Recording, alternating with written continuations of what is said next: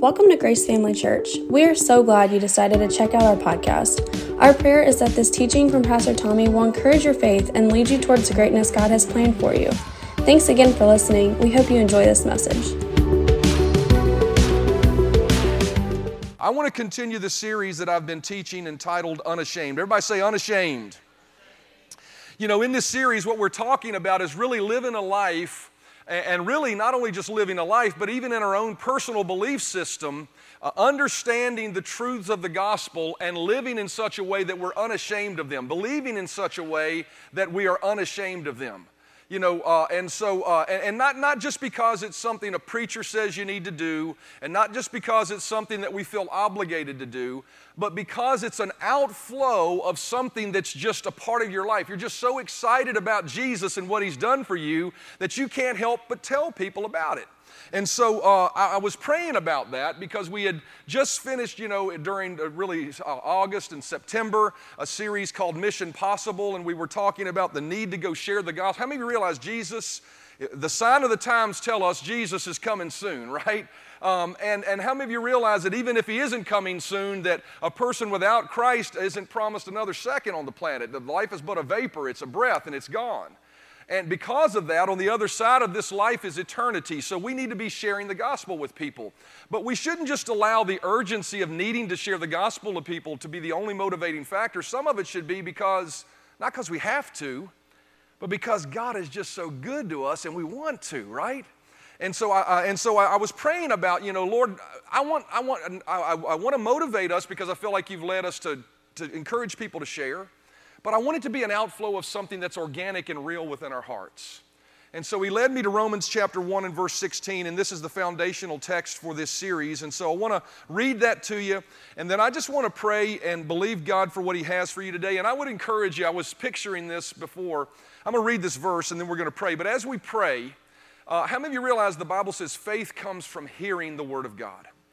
It comes from hearing what God has to say on a particular subject. It builds faith. So I'm going to encourage you today that when we pray, just picture your heart being opened up and the word just being poured in.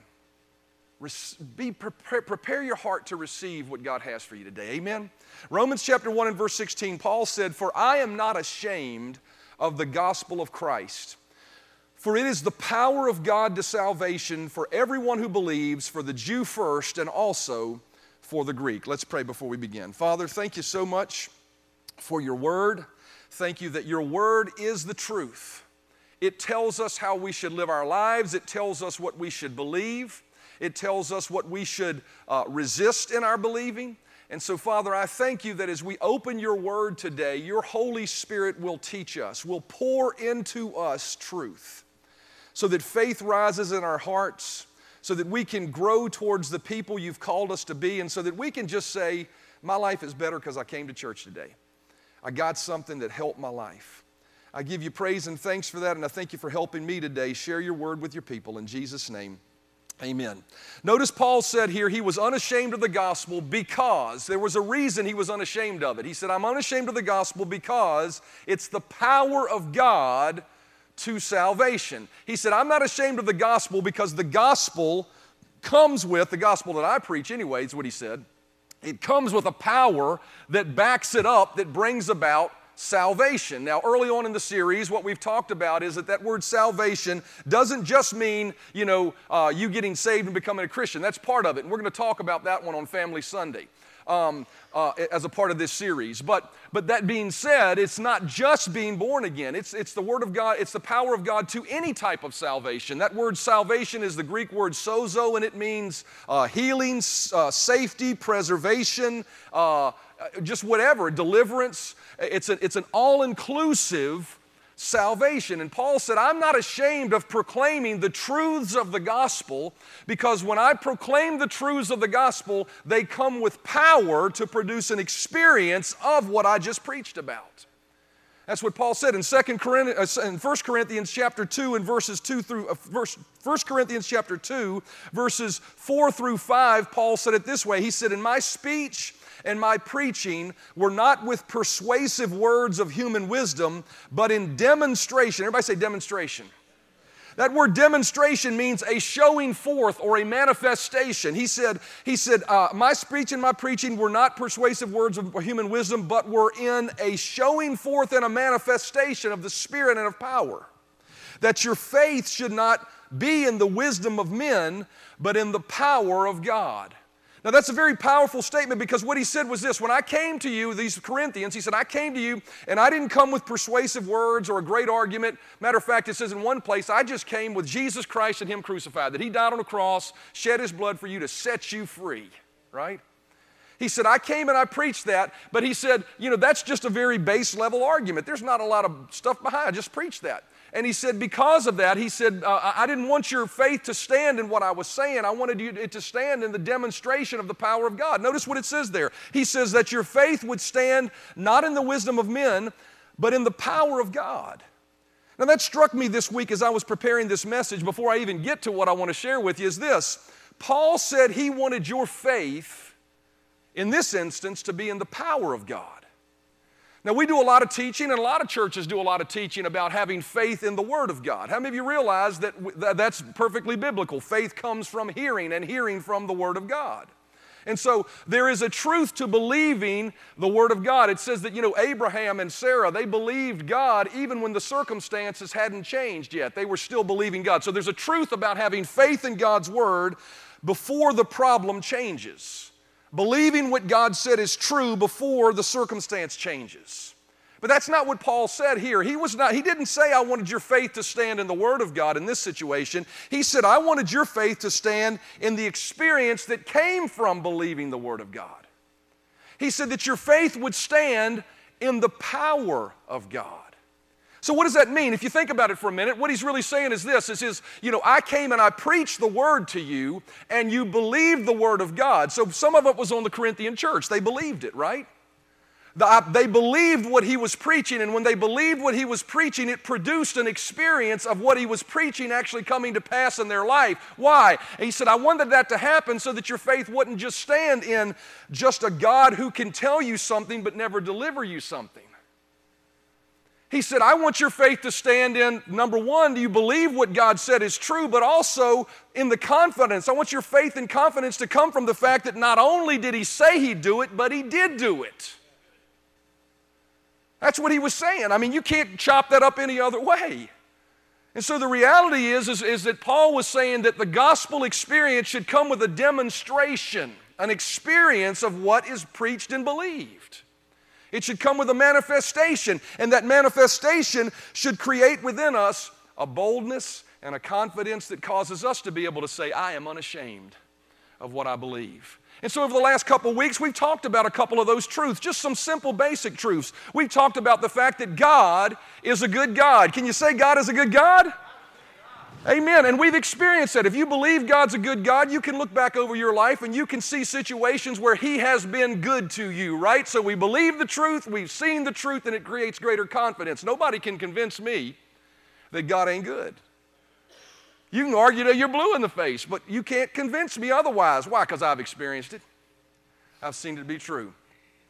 Not only that, but last week we talked about the fact that God is a faithful God. Everybody say faithful. What does that mean? That means He keeps His word. There have been situations where I've had to stand on His word and the circumstance said otherwise, but I believed it, I stood with it, and I didn't let go of it, and I didn't relinquish it. And, uh, even, and as I was believing that I did have it, I wound up having it at some point in the future. God's proven Himself faithful. And we can look back over our lives and see situations where God's proven Himself faithful. I think about, you know, Hector sitting over there sitting at home for six, nine months at a time, not even able to come to church, but believing the Word of God that God said He would heal him, God would deliver him, and now he's sitting here cancer free. How many of you know that God is faithful to His Word? And so we've talked about a good God, amen. We think about a faithful God. And, and, as the Lord really dealt with me about sharing these truths, He really dealt with me about sharing these from this perspective. This is what He actually told me in my heart. So you can take it or leave it, you know, it's not, it's just something in my heart. He told me, as you share the specific truths that I give you to share in this series, if people will believe it, I will do it. So I was like, okay, Lord, what truths you want me to share? He told me good first. So how many of you realize if you keep believing God's good, the areas in your life that are bad, the goodness of God will show up and fix it? Amen. As I preach about the faithfulness of God, as you continue to hold on to the promise of God, failing to relinquish your belief unashamedly that God is faithful and He will come through for me because He's not a man that He would lie, He will do it. See, the gospel is power. Paul said it this way He said, The gospel is power to them that believe, right? There's a little bit of that on us. That means we need to embrace it. You know, if you sit back and say, Well, I don't know, let's just hide and watch, see if that happens. Well, you'll just be hiding watching your whole life. Because some of it relies on you believing. See, some people say, Yeah, I know you're a church that preaches healing, but I know, yeah, I just don't believe in that stuff. And I'm, I'm always like, That's fine, don't believe it and keep being sick. You'll get what you believe right? Amen. And so we need to believe what the Word of God says. And so today I want to talk to you about another truth that is bedrock to the gospel that I believe religion has actually unintentionally robbed us of this truth. And so I want to unashamedly share with you another truth this morning. Is that okay? Some good news with you this morning that if you'll believe it, God will do it. Y'all ready to believe it? All right, Luke chapter 4 and verse 18. What is the gospel of Christ? Paul said, I'm not ashamed of the gospel of Christ, right? Well, what is Christ's gospel? Well, I think one thing to do would be go back and look and see what he preached, right? Notice what it says here. This is Jesus. It says, The Spirit of the Lord, Jesus said this standing in the temple. He said, The Spirit of the Lord is upon me because he hath anointed me to preach the gospel to the poor. Everybody say the poor. Now, we could go on reading the rest of that verse. But the first thing, the first thing, the first thing that Jesus brings out that he was anointed to preach was gospel to the poor. Now, some people would say that that word poor is, a, is, a, is a, a pointing to uh, spiritual poorness, but as you read through the rest of what he said, the other things that he said address spiritual poverty. But what he's talking about here, as you look up that word poor, it means this. That word poor means reduced to beggary, begging, asking alms, destitute of wealth or influence, positions of honor, or lacking anything. I'm going to read that again. That is the actual Greek uh, transliteration of what that word poor means. It means this reduced to beggary, begging, asking alms, destitute of wealth or influence, destitute of position or honor, and lacking anything. So Jesus said, I am come to preach the gospel to anybody that's in that condition. So, what is good news to a poor man? I'll tell you what it is. You ain't got to be po no mo. Right? How many realize if you ain't got money, and he says, I'm coming to give you good news, then good news would be, oh, just, it wouldn't be just suffer along till Jesus comes back because we're just beggars passing through. You know, sometimes religion has taught us something that sounds like you're singing the blues instead of preaching the gospel. I'm just a losing here on earth till Jesus comes back, but I'm saying faithful. Here you go, here you go.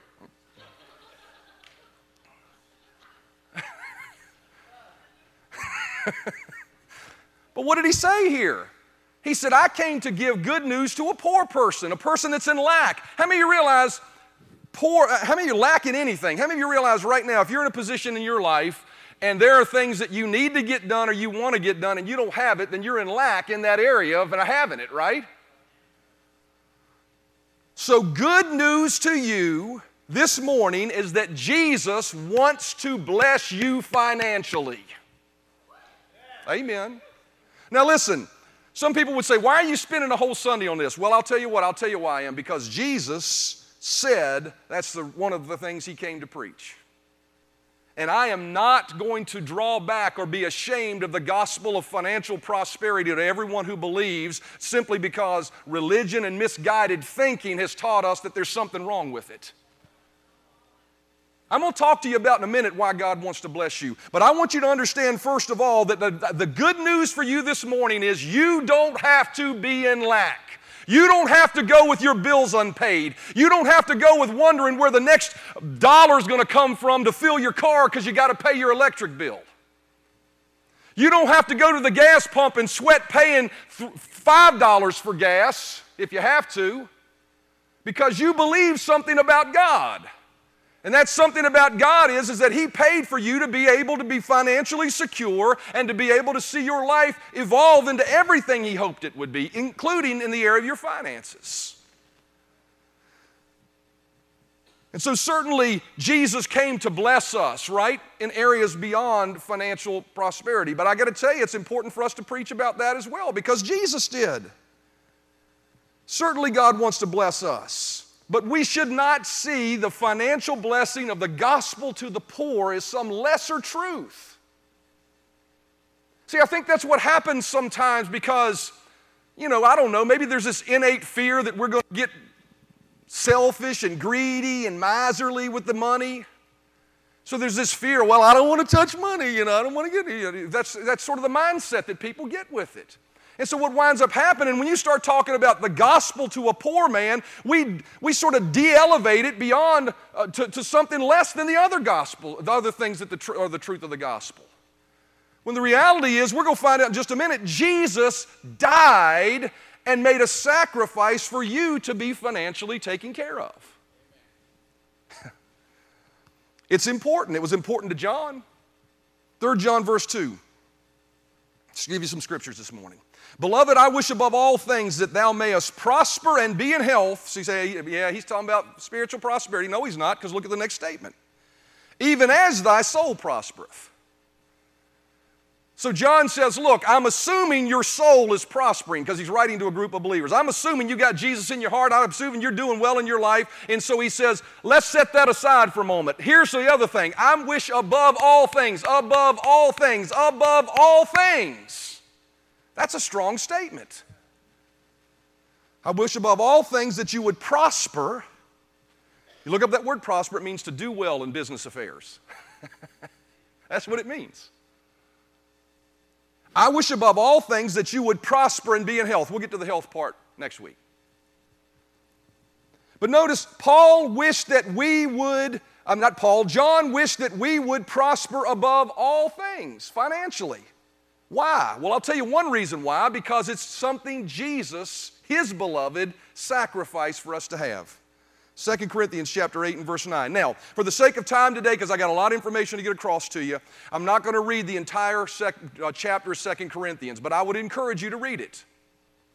Because what you'll see contextually in 2 Corinthians chapter 8 is that it's an entire chapter talking about financial giving, generosity. It's talking about actual finances. It's not talking about something spiritual, although there's spiritual implications upon it.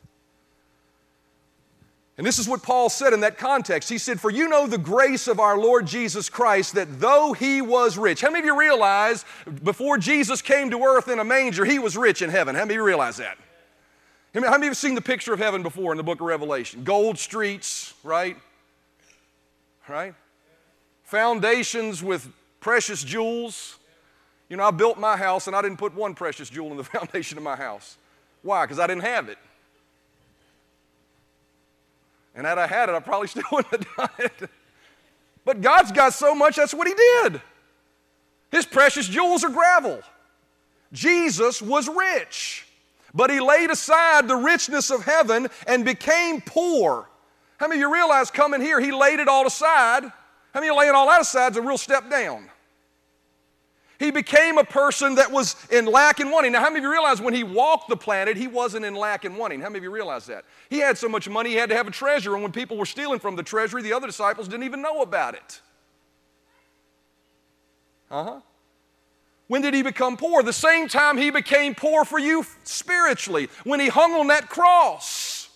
He paid a sacrifice for you. He became poor. Notice what it says that you might just have enough. Is that what it says? That through his poverty you might become rich. Amen. See, some people have saw, saw that as like a four letter word. Why would you ever say rich in church? You know, those old rich people. They're, you know. But Jesus paid a sacrifice so that you could be rich. I'm going to talk to you in a minute why. But just hang on to your why for a minute, right? Because I, I, hear all the arguments already about, well, you know, that's, that's greedy. Uh, you know, I don't know. Maybe that's an unspiritual mindset. We're going to deal with that. But I'm just going to tell you right now He came and became a sacrifice for you financially so that you could be rich. I ain't gotten there yet, but I'm a believing. I'm signing up for that one. Galatians chapter 3 and verse 13. I want you to see this that this is a part of your redemption. How many of you are redemption? That's a spiritual word. this is a part of your redemptive package. Galatians chapter 3 and verse 13 says, Christ hath redeemed us from the curse of the law, being made a curse for us. For it is written, Cursed is anyone that hangeth on a tree. So notice, how did he redeem us? He redeemed us by hanging on, by paying that price. He redeemed us. Why? Verse 14, that the blessing of Abraham, everybody say the blessing of Abraham that the blessing of Abraham might come on the Gentiles through Jesus Christ. So he said he redeemed us so that the blessing of Abraham might come on us. How many of you realize before you accepted Jesus, you were a Gentile? You weren't a Jew. If you were a Jew, you were a Jew, but now how are you realizing one, we're all just one in Christ. He says that the blessing of Abraham, and it goes on to say in verse 29, if you be Christ, if you've accepted Christ, notice this, you are Abraham's seed and heirs according to the promise. Remember when I was a kid, Father Abraham had many sons, and many sons had Father Abraham, and I am one of them. Why do we sing that? Because there's truth and understanding that as a child of God, you're a seed of Abraham. What does that mean, I'm a seed of Abraham? There's a whole lot of blessing that comes with it, but I want you to notice one of the blessings that come with it. Because God told Abraham he would bless him. Genesis chapter 2 and verse 2 said, he, This is what he said to Abraham. He said, I will make thee a great nation and I will bless thee. Everybody say, Bless thee.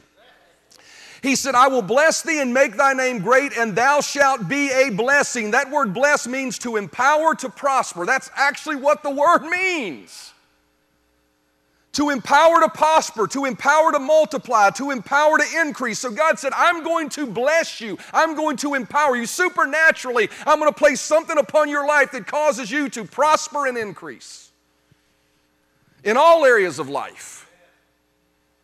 Right? So I don't want anybody to think we're twisted here. They just mean in all areas of life, including financially. But if there's any doubt that what he meant was financial prosperity, let's just go over one chapter to Genesis chapter 13 and verse 1 and see what that blessing produced for Abraham.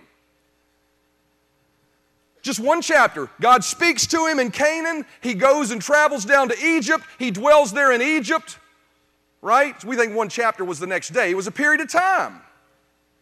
But over that period of time, notice what it says Genesis chapter 1 and verse 1. And Abraham went out of Egypt, he and his wife and all that he had, and Lot with him into the south. And Abraham was very rich in cattle, in silver, and in gold. Amen. Abraham followed God, and he was blessed financially. See, part of the truth of the gospel is that a relationship with Jesus Christ not only comes with forgiveness of sin, but it comes with the promise if you'll believe it, right? See, the problem is many people haven't been taught this. But if you'll believe this, the rain's falling. Can you hear it? Financial blessings, showers of blessings. The truth of the gospel is that a relationship with Christ comes with financial provision, and not just provision, but blessing. Philippians chapter 4 and verse 19, Paul said this to the Philippian church. But my God shall supply all your need. Now, see, a lot of people read that religiously and say, see, all God wants to give you is your needs. That's all, he, that's all he wants to give you. He don't want to give you no more because he gives you any more, he can't trust you with it. You're going to wind up becoming a rich old mean person that's stingy and greedy.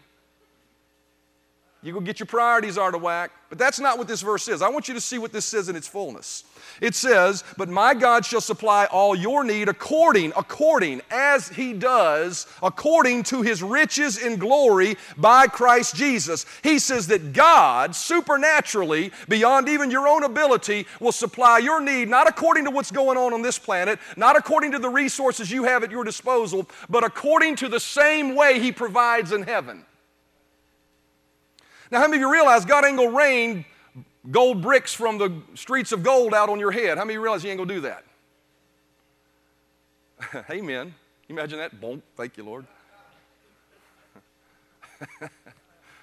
no, God, how many realize God don't have some counterfeit machine up in heaven cranking money out that He's to rain down on you either? So that verse isn't saying He's to bless you with what's in heaven. He's saying He's to bless you like He blesses in heaven, according to His riches in glory. Well, what are his riches in glory? In heaven, what are his riches in glory? Think about it for a minute. I said it once before streets made of gold, gates to cities made of a single pearl, tape measures made of gold. You know, I know a lot of really successful contractors, and I don't know any of them that use a gold tape measure. That's the kind of provision. So when God meets needs, need a tape measure? Let me give you a gold one. When God meets needs, He doesn't just meet needs, He meets it according to His abundance. So when this verse of Scripture says, My God shall meet all your needs, be it unto you according to your faith. If you just want to believe for your needs to be met, then believe God for your needs to be met, and God will honor your faith. Just enough, just enough to barely get by. You know, I got this bill, so let's just get this bill paid till the next one shows up. But no, what it says here is, I'll meet your needs according to the way I meet the needs in heaven. How many of you re- realize there ain't no happy meal short of a french fry in heaven? God ain't gonna come over the intercom at the marriage supper of the Lamb and say, uh, excuse me, but we had a power problem paying our power bill, so there'll be a brownout in section 25C for a few minutes. God is an abundant God, and He's going to meet your need according to His riches in glory. Some think that verse saying He's just a need meeting God, but what that verse is saying is, is He's a super abundant God. He meets your needs according to the way He does it in heaven. There ain't no barely get along street in heaven. How many realize that? He will meet your needs. He is a God that is more. Matter of fact, that's what he told Abraham. He said to Abraham, I am the God who is more than enough, not the God who is just enough. See, I want to challenge you this morning. Are you believing in a God that's just enough? Is that where your faith is? Well, that's okay. But that's not who God is. He's a God of more than enough. Genesis chapter 17 and verse 1 says, And when Abraham was 90 years old and nine, the Lord appeared to Abraham and said unto him, I am Almighty God. Now, we think what that means is, is God said, Look how powerful I am. What he actually said, that word Almighty, is the word El Shaddai. It means the all sufficient one, the one that is more than enough. And how many realize he proved it to Abraham? He didn't just meet his needs, he was rich.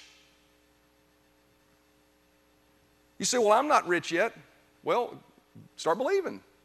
Amen. You know, a lot of people say, Well, I know a lot of people, good people, good Christian people, and they live their whole life with not a lot. Well, I know a lot of Christian people that are mean as a snake, too. Does that mean I shouldn't believe in the love of God? I know a good Christian person didn't get healed. Well, does that mean that just uh, uh I shouldn't believe in healing the same way I shouldn't believe in love or forgiveness? I know a lot of Christians who can't who won't forgive somebody. Does that mean we shouldn't forgive? Shouldn't believe for forgiveness?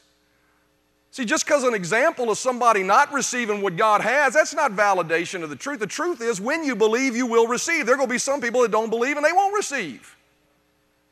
Amen. But Abraham was rich. We read it in, again, Genesis 13, verse 1. And Abraham went out of Egypt, he and his wife, and all that he had, and Lot with him into the south. And Abraham was very rich in cattle, silver, and gold. God made Abraham rich. Everybody say rich. Rich. Now, mean, you realize richness, it applies to a lot of areas of our life, right? So I don't want to demean the fact that it doesn't mean, how many you richness also includes being just satisfied with your relationships and everything. But I think we've often said that and been like, yeah, yeah, he's not talking about money. That's not, it's, it's all of it, it's including the finances. As a matter of fact, as you go through the Bible, you'll see all of God's closest friends were rich. All of them. All of them. Noah had enough finances and resources to build a floating zoo. I'm not joking. He, I mean, I say it that way, but he did. Where did he get the resources to build that thing? The food to feed those folks? A God who supplies all his needs according to his riches and glory. Job. People look at Job, well, being, you know, just I'm sort of like Job. If you're like Job, you should be the richest person in your neighborhood. Because the Bible says Job was the richest, he followed God, he was the richest man in the East, then he lost everything, and in the matter of most people say nine months to a year, it says he got it all back times two, times two. So he was twice over the richest man from following God. Moses, the Bible says he left Egypt with a high hand, he left with the riches of Egypt with the people of God. David, he was so rich that he gave in, according, uh, uh, uh, in line with today's finances to the building of the temple of God. He gave a billion dollars, over a billion dollars, to build the temple of God. One of y'all can write that check anytime you want for us to finish that building over there. Now, we laugh about that, right? But I'm believing that God's going to bless one of y'all so much that it ain't nothing for you to be able to do that. I'm believing that. I'm hoping you're believing that. Elijah, supernaturally fed by ravens. Peter, ship sinking, net breaking catches of fish. The disciples and their followers, so much provision they had to collect it in baskets and carry it off. The early church, so much blessing and generosity that it says in one point there was no need among them. See, Abraham's blessing doesn't just belong to his best friends, it belongs to you because you're one of his best friends. You are the seed of Abraham, as we've read. Amen? Now, why should we not be ashamed of that message? Heaven isn't. You read through the book of Revelation, and God is not ashamed at all to advertise that He has streets of gold. And yet, we look at somebody and say, if they're godly and they got something that's extravagant, we think, oh, look at that. Do we say that about God? Huh? Preacher stands up and says he wants to complete a million dollar building project, and people are like, oh, that money could be used for the poor. I don't hear anybody saying that about Mickey Mouse getting a new roller coaster. Nobody says anything about that.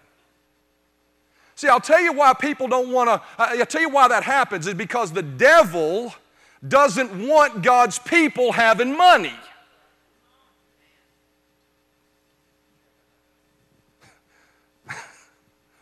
Jesus does. Heaven is full of abundance. And Jesus said in Matthew chapter 6 and verse 10, Thy kingdom come, thy will be done as it is in heaven. The abundance of heaven then should be a part of what we are praying to be a part of our life today and thanking God for as a part of our life today. The love of heaven, the peace of heaven, the joy of heaven, and yes, the finances of heaven, right? And we should be unashamed of it. But for it to manifest, listen to me, here it is. For it to manifest in your life, you must be unashamed, unapologetic of it, and believe it in your heart. Misguided religion, why has it taught us? I mean, think about it. Even, even religion has taught us, you know, oh, I don't know, that prosperity thing, you better be careful about that. There's no biblical precedent for that. There's nothing in the scripture for that. There are certainly warnings about not being trusting in riches. But even in the context of not trusting in riches, I'm going to show it to you in a minute.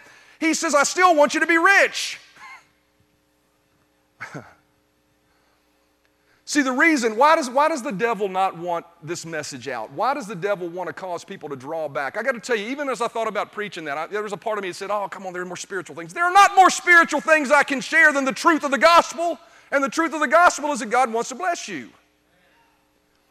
Genesis chapter 12 verse 2. Let's just show you real quickly why the devil don't want this getting out and why there's so much resistance to it.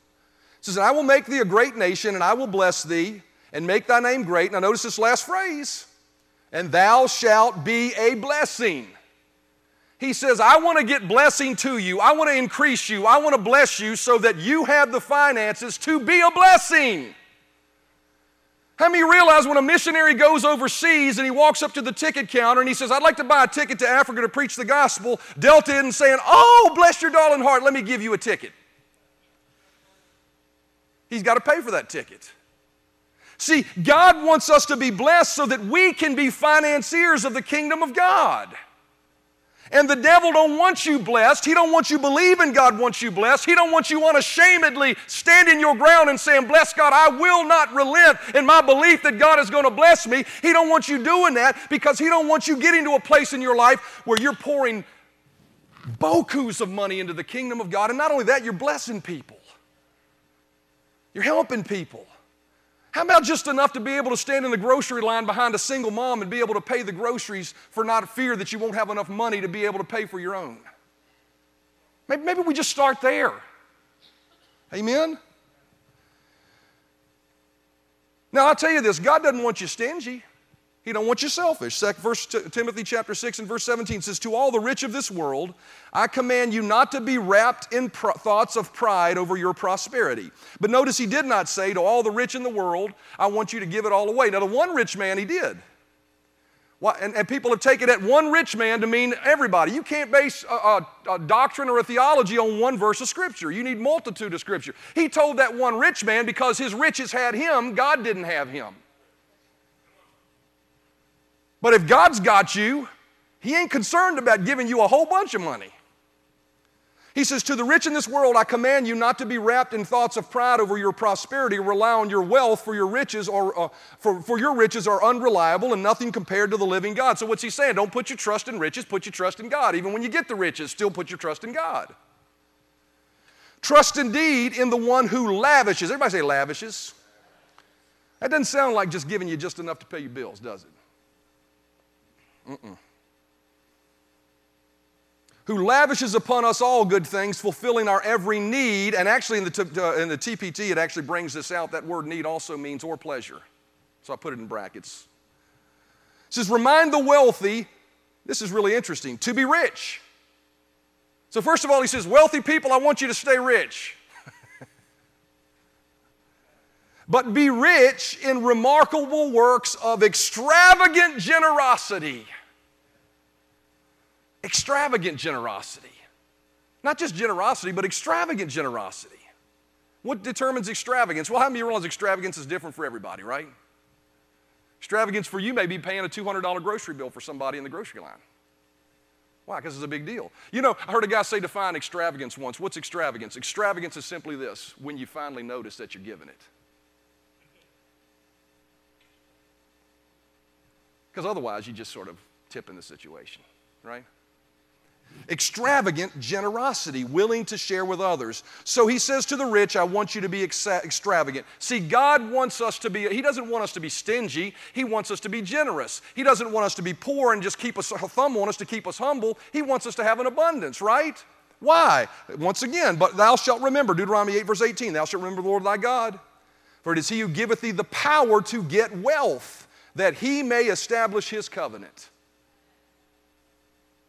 See, why does God want to bless you this morning? I'm going to give you two reasons why God wants to bless you. You need to always remember this.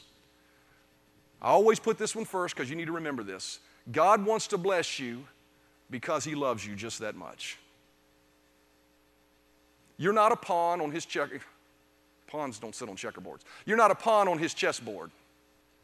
See, some people think the only reason he wants to bless you is because he wants to use you to farther, God first wants to bless you because how many of you realize when you got a bill that needs to be paid, that's important to you?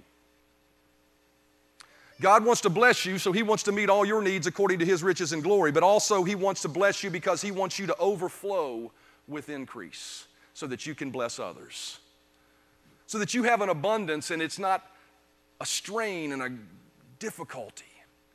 And the reality of the truth of the gospel of, uh, of, of prosperity is this He wants to free you from small minded living and tight fisted living. How many of you realize you can have no money and still have a tight fist? What do I mean? I mean, when you pay that bill, you let go of it like you let go of your last dollar. You ain't giving it to nobody, but you're still tight fisted with it, right? Pay the bill, but pay it with a mindset of there's more that came from. Say, I don't see it yet. That's okay. Part of the reason you don't see it is because you're tight fisted living in your heart. I'm not talking about what you're doing, right in your heart. And that's what it says here in 2 Corinthians chapter 9 and verse 8. I'm getting to the end. It says, God can, God can bless you with everything you need, and you will always have more than enough to do all kinds of good things for others. God gives seed to the farmer and provides everything, everyone with food. So notice, first of all, He gives seed, and He gives food. Everybody say seed and food. How many realize food is something you consume? So, first of all, God wants to bless you so you can take care of your needs, your wants, your hopes, and desires. He wants to bless you with that, right? But also, He wants to bless you so much that you've got seed to sow to others. He will increase what you have so you can give even more to those in need. You will be blessed in every way and you will be able to keep on being generous. Then many people will thank God when we deliver your gift. What's he saying? He's saying that through your generosity, a lot of people will come to Jesus, just like the, the shoe boxes. Small gift, but somebody came to Jesus because you gave. Same thing in every area of our life. He wants to bless you. So, as the musicians come, I'm going to close up shop here. I want to let you know that I am not ashamed, I am not ashamed of the gospel of prosperity. I am not ashamed that I am blessed to be a blessing, that this church is blessed to be a blessing. I am not ashamed to declare that all of our needs are met according to His riches and glory. I am not ashamed to declare that my cup runneth over, even though it may not look like it at times. I am not ashamed to declare that Abraham's financial abundance is coming on me because I'm a seed of Abraham. Why? Because Jesus died on a cross for me to experience that, and so I'm unashamedly going to believe it and declare it. Romans 1:16 For I am not ashamed of the gospel of Christ for it is the power of God to salvation for everyone who believes. The power and favor of God to produce prosperity and provision is available to anyone who will believe it. Just like any other blessing, if you'll believe it in your heart, receive it before you see it, and live like it's true, it'll be yours. What do I mean, live like it's true? How many of you realize there ain't no such thing as a faith check? How many of you know what a faith check is? I'll write it and send it out and believe God that the money will show up for it. That, that ain't God. That ain't the way God works. I know people that do that.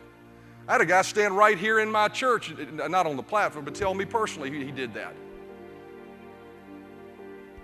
I'm not talking about living beyond your means. I'm not talking about acting beyond your means. But what I am talking about is living on the inside beyond your means choosing to unashamedly declare that even in the midst of a financial difficult situation, I am unashamed to declare that my God has, because of what Jesus did, met my needs. I don't see it yet, but I believe it, and that settles it. I believe that He paid for me to be financially free, not just to have my needs met, not just to barely get by, but to have more than enough. I will declare that till the day I die because it's the truth. I'm not ashamed of it. And I'm going to live from that place. I'm going to plan from that place. I'm going to spend what's in my hand and use what's in my hand, right? But I'm going to live from what's in my heart. When I write a check for a bill and it's the last dollar in my checking account, I'm not going to write the check saying that's the end of it and stressing over it. I'm going to write it with a mindset that says, Bless God, He meets all my needs. There's more. I ain't seen it yet, but there's more that came from. That's the generous way of place of living God wants us to live from. I'm going to close with Psalm 81 and verse 16. This is what God said I will feed you with the finest of wheat, and with honey from the rock I will satisfy you. I want you to think about that for a minute. Honey from a rock. Does honey come from a rock? That's something supernatural. Now, I'm going to tell you, just as the Lord told me to preach truth about every other truth I'm going to be talking about, He told me to preach this, and if you'll believe it, it will happen in your life. If you believe it, it'll happen. I believe that there may be people here this morning that are in a position where they need a financial miracle. It's beyond your natural ability to change it. It's beyond the resources that you have. You need honey from a rock. Now, either that's true or it's not true. I am not ashamed of the gospel because it is the power of God. I will declare to you that He said He will bring honey from a rock for you. He will meet that need according to His riches and glory. He will bring a financial change if it's needed. I will do all, uh, you know, in your life, do all you can do. Work hard. Find your side hustle. Do all those things, right? But God's bigger than all that. He said, I will satisfy you with fresh baked bread spread with butter and pure rock honey. Amen. Amen. Thanks for listening to our Grace Family Church podcast. We really hope you enjoyed this message. If this ministry has blessed you in any way, we would love for you to get connected. Just go to gfcva.info to learn more about who we are, how to give to this ministry, or how you can get involved. Thanks again for listening, and we hope to see you soon.